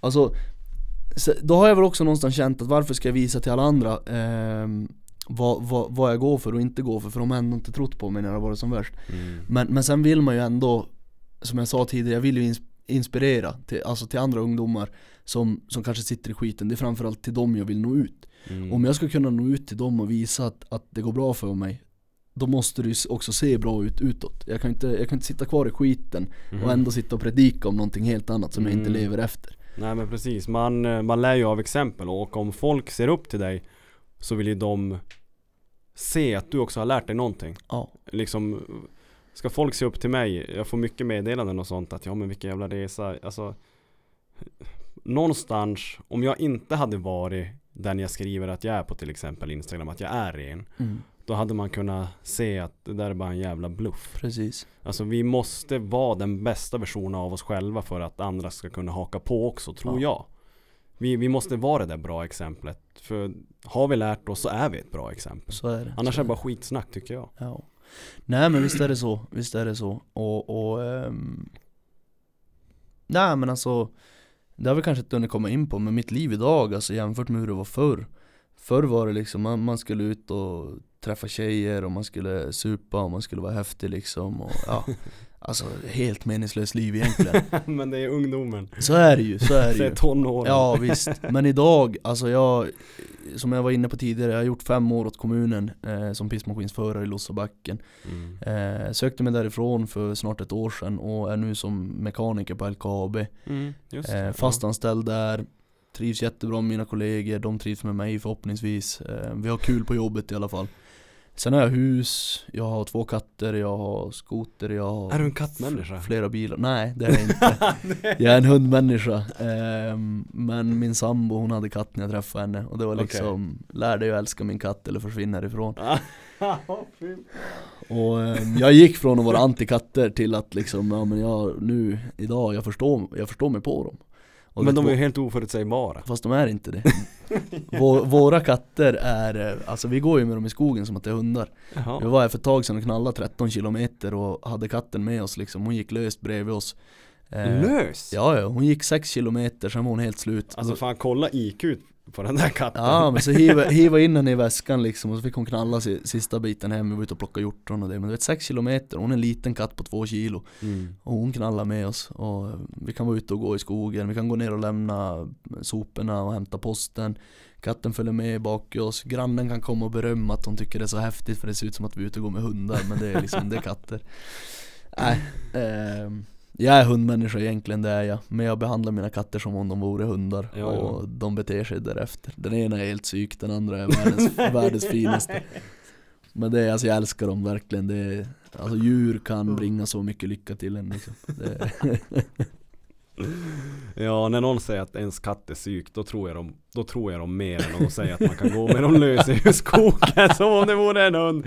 Fan vad jag har förutfattade meningar om katter nu. Ja, okej jag, har, jag har inga förutfattade meningar förutom om katter. Alltså, jag ska fan, visa dig lite bilder där efter podden så ska du få ändra på det där. katt- Fy fan. Vet jag till och med på mitt bankkort så, här, så har jag tryckt in en bild Nej, på har min du katt. Jo, jajamän. Alltså du, du har ju blivit en... Ja du är sån där... eh, Vad, vad är det de säger? Uh, psycho cat lady, är det så de Ja heter? men nästan. Vad är de... Min, min sambo är ju sån, hon kommer ju, alltså skiljer hon sig från mig så kommer hon ju sitta med 43 katter när hon blir gammal och bara skrika på folk liksom Det är lätt hänt Men eh, samtidigt, jag hade kunnat sitta där bredvid henne så att Men har ni inte funderat på att skaffa hund då?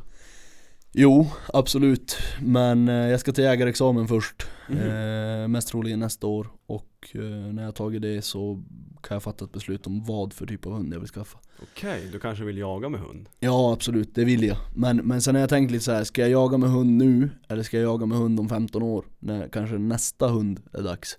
Alltså du kan ju ha en hund först, skaffa nästa som jakthund, I don't know.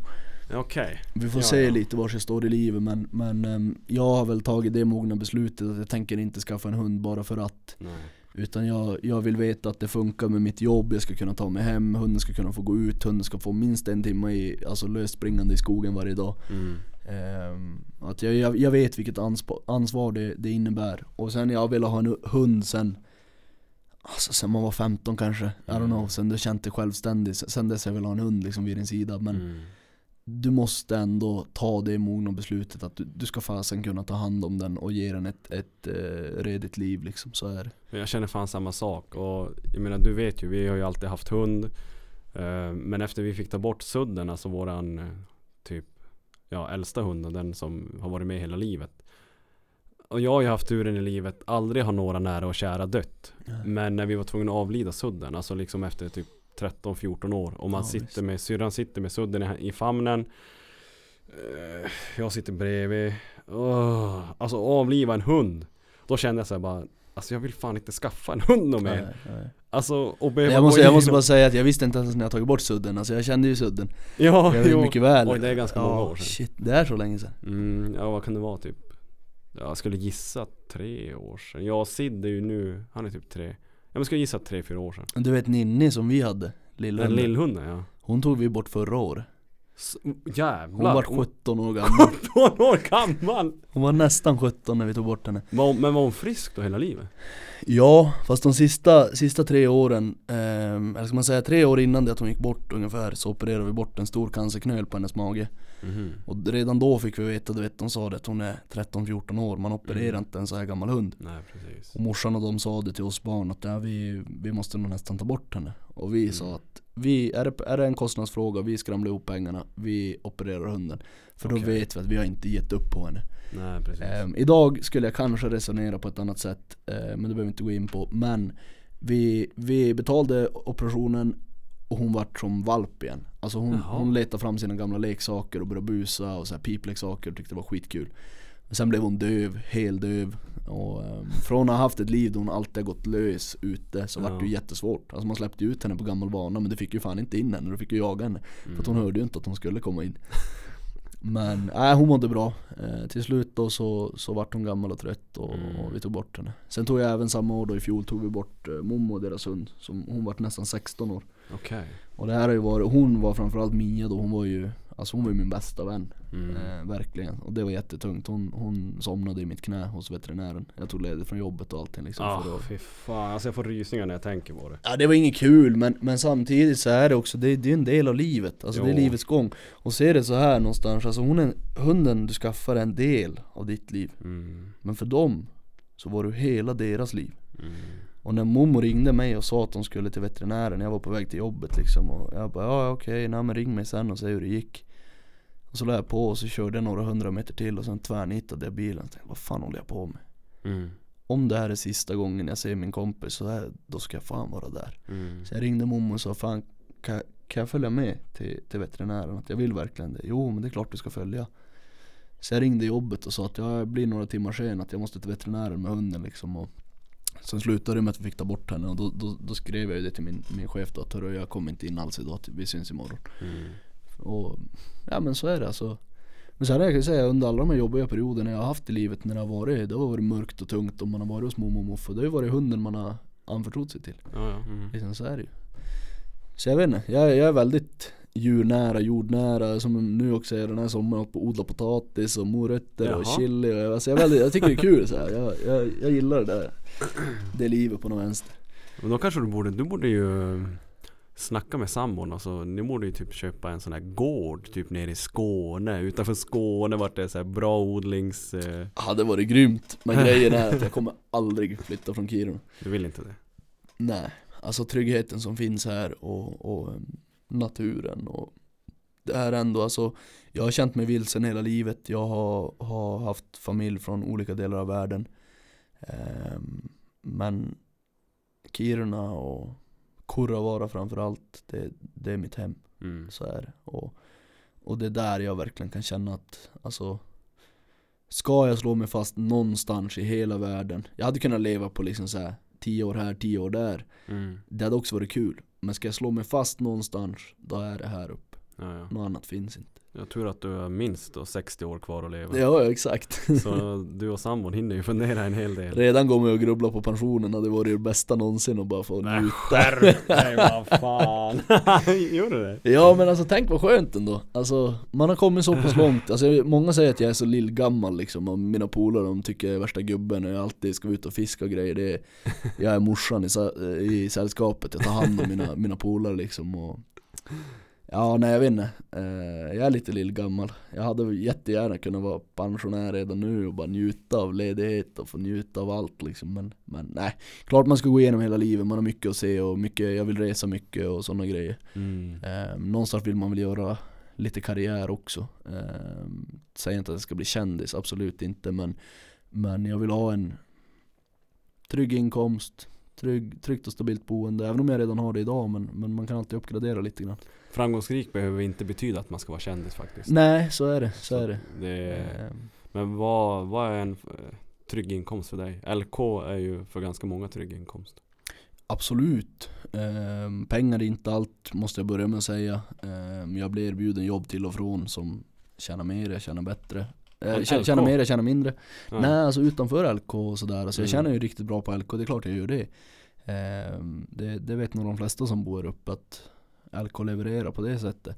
Men, men samtidigt så pendlar jag till Svappavaara. Ehm, jag kör nästan 14 mil om dagen. Mm. Ehm, det blir ju en utgift kontra inkomsten så att säga. Och, Mm. och, eh, nej jag vet inte, jag vill ha ett, ett jobb där jag, där jag känner att jag jag ger allt på jobbet, jag är glad från det att jag kommer dit till att jag går därifrån. Mm. Och, och eh, jobbet ska inte ta mer av min energi än vad fritiden gör. Fritiden ska liksom ligga som number ett. Men- Jävlar vad bra sagt. Ja. Alltså när jobbet tar mer energi än vad fritiden gör.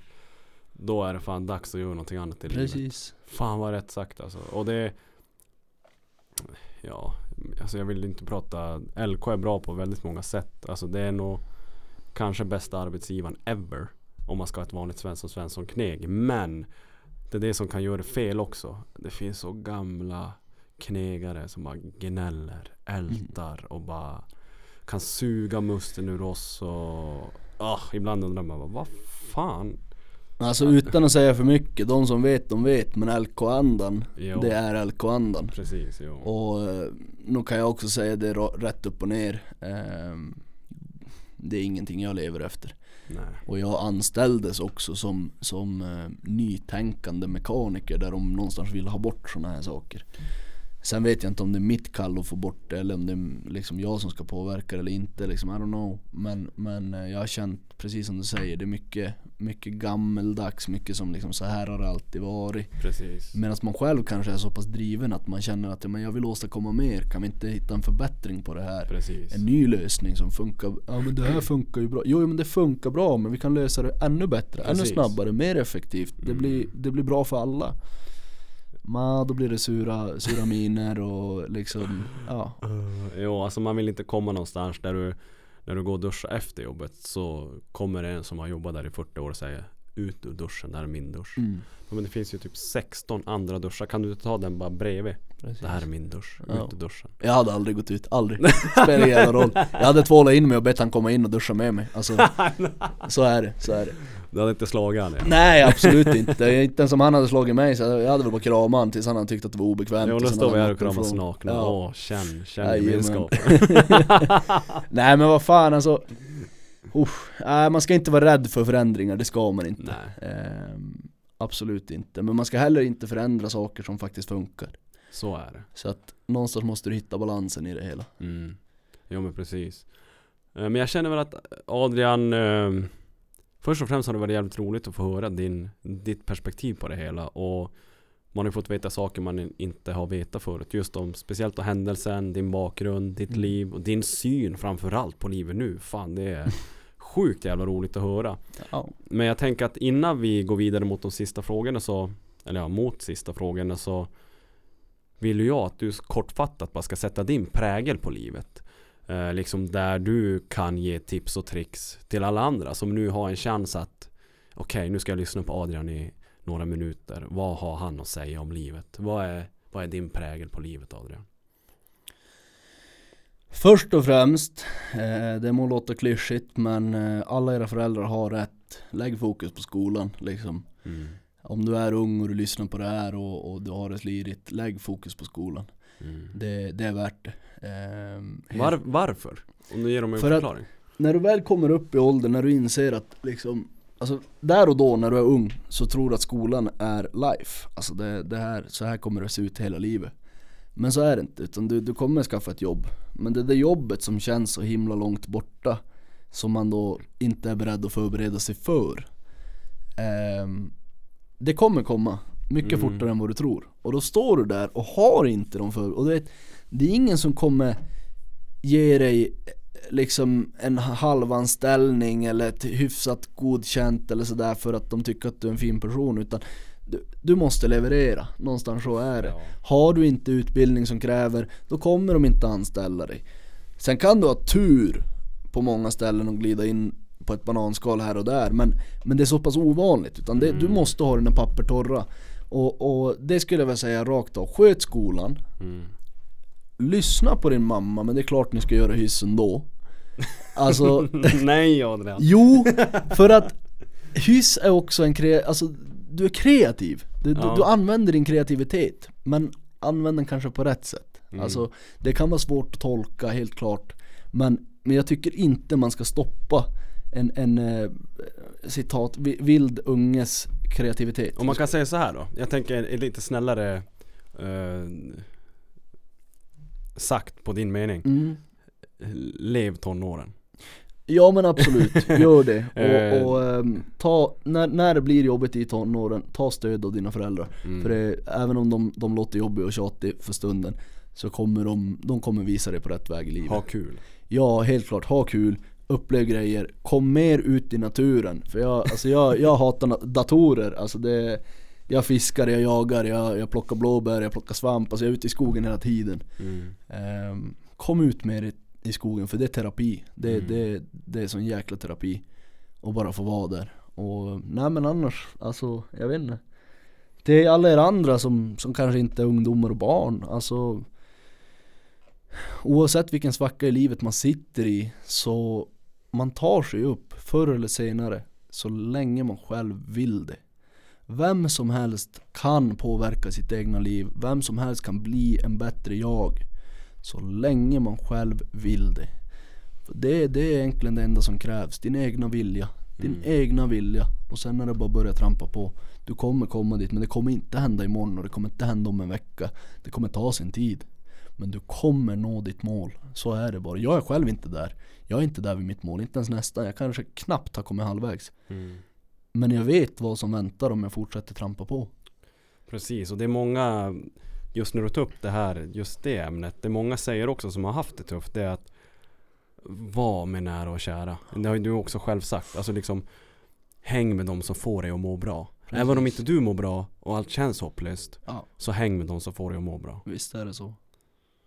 Så eh, det är väldigt viktigt. Det är väldigt viktigt. Och i, i slutändan, alltså när du När du ligger där på dödsbädden, gammal och grå Det är din familj som kommer vara där. Det är inte han du stod och rökte med utanför krogen eller liksom Utan det är din familj som kommer vara där. mm, Så är det.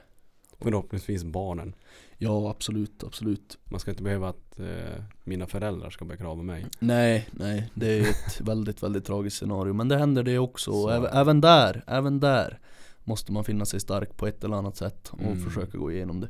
Jag har själv inte gått igenom något sådant men, men jag försöker alltid att leva mig in i de situationer som människor runt omkring en, de, de har det jobbigt. Alltså jag, jag har mist människor som har tagit livet av sig och sådana saker. Väldigt, väldigt nära människor. Och man har försökt förstå hela tiden. Man har själv varit där, alltså haft de tankarna i huvudet.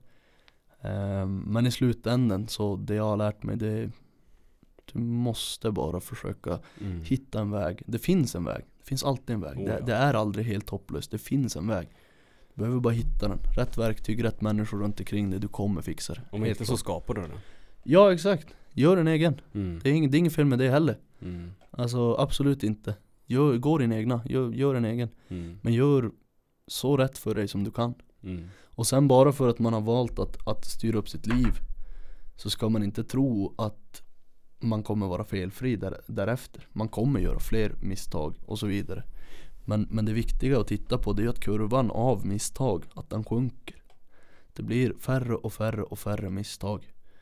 Och till slut så någonstans så kan du känna att liksom jag, jag lever helt jäkla hederligt.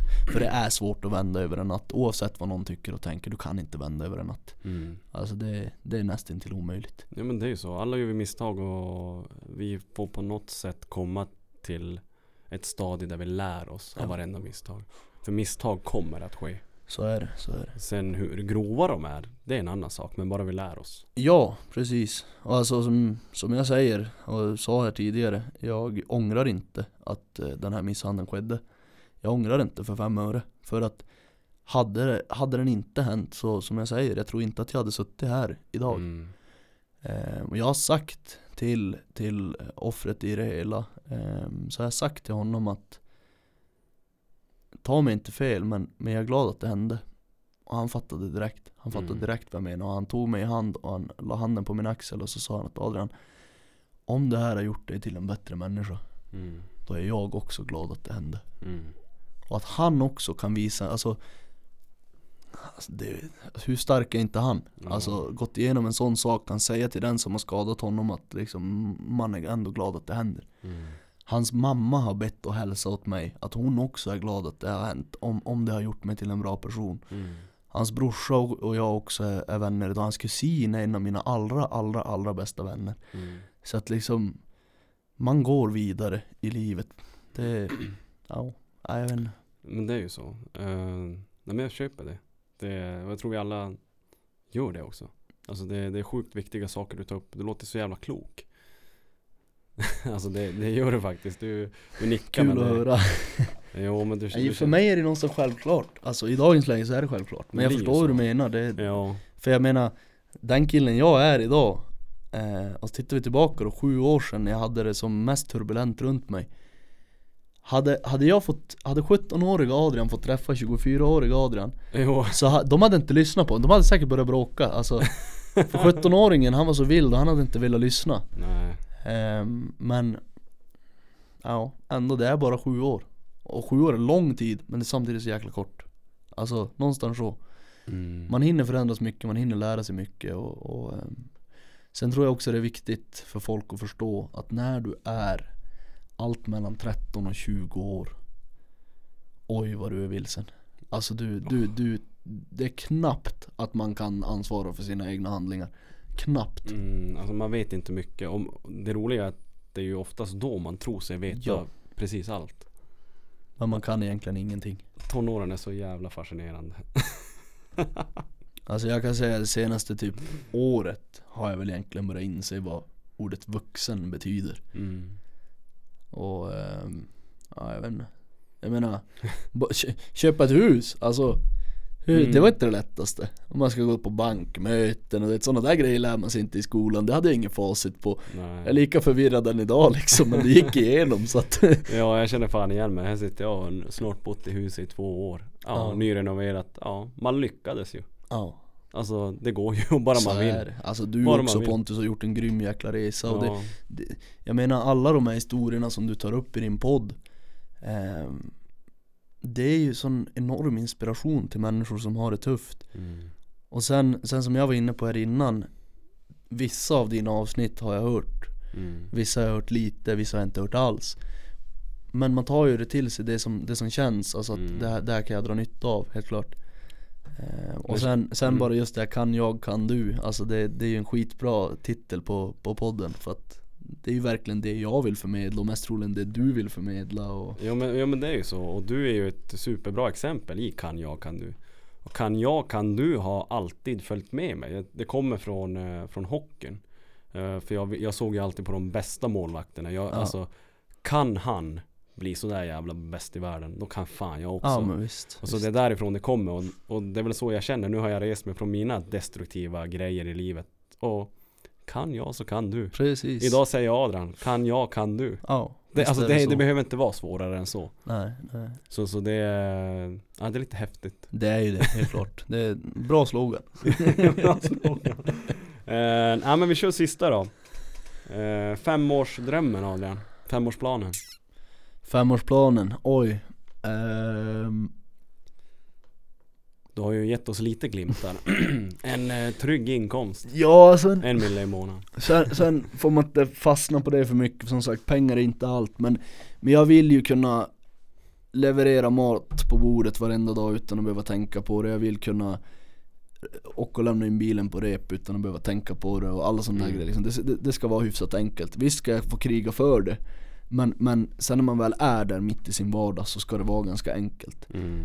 Ehm, sen eh, fem år från nu, jag hoppas att Momo fortfarande lever Det är väl typ det viktigaste för mig någonsin Mm. Ehm, Men Ja, dina planer, alltså dina, dina planer. drömmar, du har ju sagt att du vill, drömmar. du vill stadga dig här Men du har även kunnat röra på dig Ja, ehm, nej men jag vet inte, jag har väl alltid länge haft en plan om att bli egenföretagare Mhm. Och ehm, det vill jag väl än idag och säkert om fem år också, kanske redan har gjort det då Men det jag också sagt till mig själv är att det är inte negativt att jobba på lite olika ställen och dra på sig lite erfarenheter Absolut inte innan man väljer att gå och bli någon form av chef. Eh, Men jag har väl alltid varit lite av en, en eh, ledargestalt bland mina vänner och, och bland andra också.